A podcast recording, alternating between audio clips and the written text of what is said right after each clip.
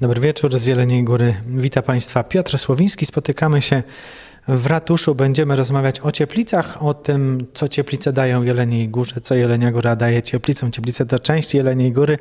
Pani Zofia Lachowicz z Stowarzyszenia Kreativo. Dobry wieczór, witam wszystkich. Ciepliczanka. Ciepliczanka z urodzenia. Janusz Korzeń, urbanista i redaktor naczelny kwartalnika Karkonosz. Dobry wieczór. I prezydent Jeleniej Góry, gospodarz naszego spotkania, bo spotykamy się w ratuszu Jerzy Łużniak.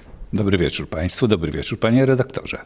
Panie prezydencie, zacznę od Pana. W Jeleniej Górze w Cieplicach przestawiony został pomnik Marysieńki. Tak ludycznie go kiedyś nazywano gołą babą. Przepraszam Państwa za to określenie, ale spotkania pod tą właśnie e, rzeźbą to, było, to był standard. Ludzie się tak umawiali. No i ta rzeźba została przeniesiona. Ciepliczanie mówią, że to taki symbol trochę, że miasto ich nie słucha i stawia sobie gdzie chce. Oni by chcieli gdzie indziej. E, ale ty, z tą sprawą to trzeba iść do konserwatora zabytków. E, z tego względu, że jak była rewitalizacja parku zdrojowego, e, całą opiekę nad rewitalizacją miał konserwator zabytków. Ta rzeźba, o ile ja wiem, bo ja nie jestem akurat ani ciepliczaninem, ani jeleniogórzyninem, ja jestem napływowym tutaj materiałem. Ta rzeźba pojawiła się w 60 latach, pod koniec lat 60. i teraz jak była prowadzona rewitalizacja Parku Zdrojowego, była zgodnie z założeniem architektonicznym, jaki był wcześniej, kiedy był ten park planowany. No i konserwator zabytków i, i projektant nie widział tej pani tam w tym miejscu, tak jak to pan redaktor nazwał. Tą, Marysieńka, tak się umówmy. Umówmy się, że to była Marysieńka.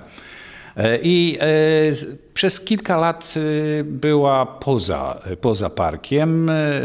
Została bodajże 3-4 lata temu usadowiona właściwie już w parku, bo to jest obrzeże parku, przy termach cieplickich. I tam swoje, swoje miejsce znalazła. Nie wiem, czy to jest akurat dobre rozwiązanie, czy nie. Po prostu taka wola była ówczesnych, ówczesnej Rady Miasta, ówczesnych władz miasta żeby w tym miejscu znalazła się. Pani Zofia Lachowicz, podejdę, ponieważ mamy tutaj, zachowujemy odległości dość spore z racji pandemii. Wy chcielibyście w innym miejscu? I tak, większość mieszkańców dzielnicy Cieplice była zbulwersowana, że tak jakby Marysieńkę wyrzucono poza obręb parku. Myśmy nawet robili taką społeczną ankietę internetową, gdzie wyszło nam, że ponad 91% mieszkańców dzielnicy chciałoby, żeby ona wróciła pod Edwarda. Bo tam się umawiali pod nią. No oczywiście. Osoby urodzone w Cieplicach i wielu mieszkańców darzy tą figurę, abstrahując od tego, czy to jest dzieło sztuki, czy nie, no, darzą jakimś dużym sentymentem. No więc dla tych przeszło 91% było to bulwersujące, że ona tam nie wróciła do parku.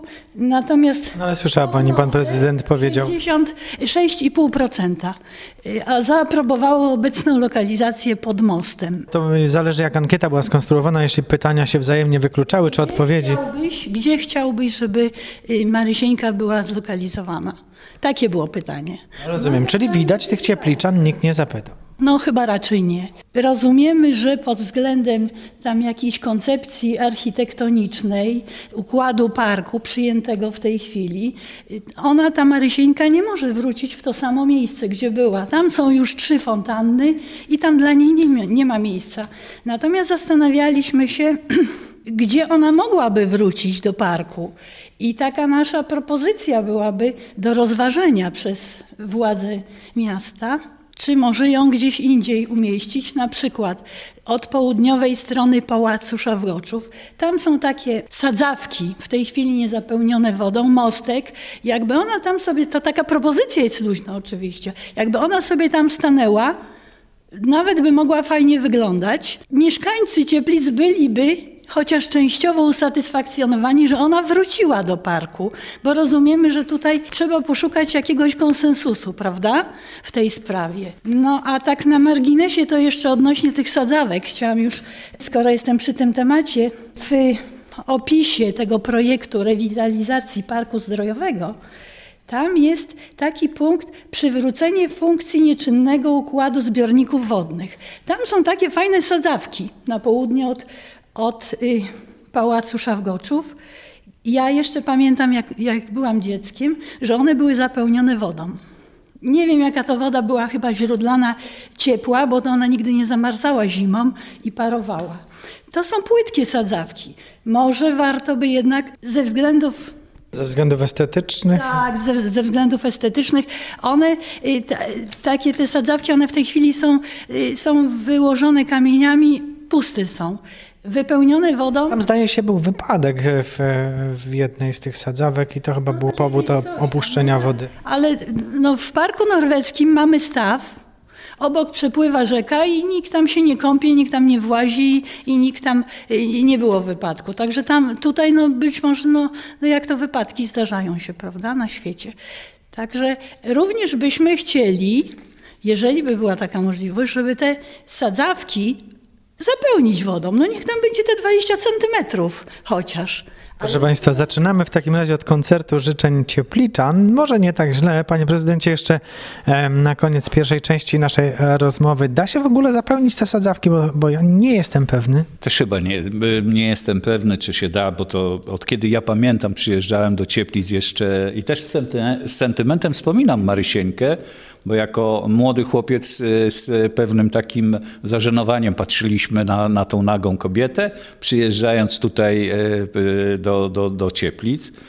Ja chciałbym zwrócić uwagę na jedną rzecz. Park jest objęty nadzorem konserwatora zabytków i to on w dużej mierze odgrywa tą decydującą rolę, jak będzie wyglądał kształt y, e, tego parku. Wszystko musi być z nim uzgodnione, każde nasadzenie, każde przycięcie drzewa y, i każda rzecz, która tam się pojawi. Tym bardziej, że ten y, wystrój obecny i ten kształt parku to jest y, powrót do tych założeń parkowych, które były e, w latach, koniec lat XIX wiek i początek XX, XX wieku.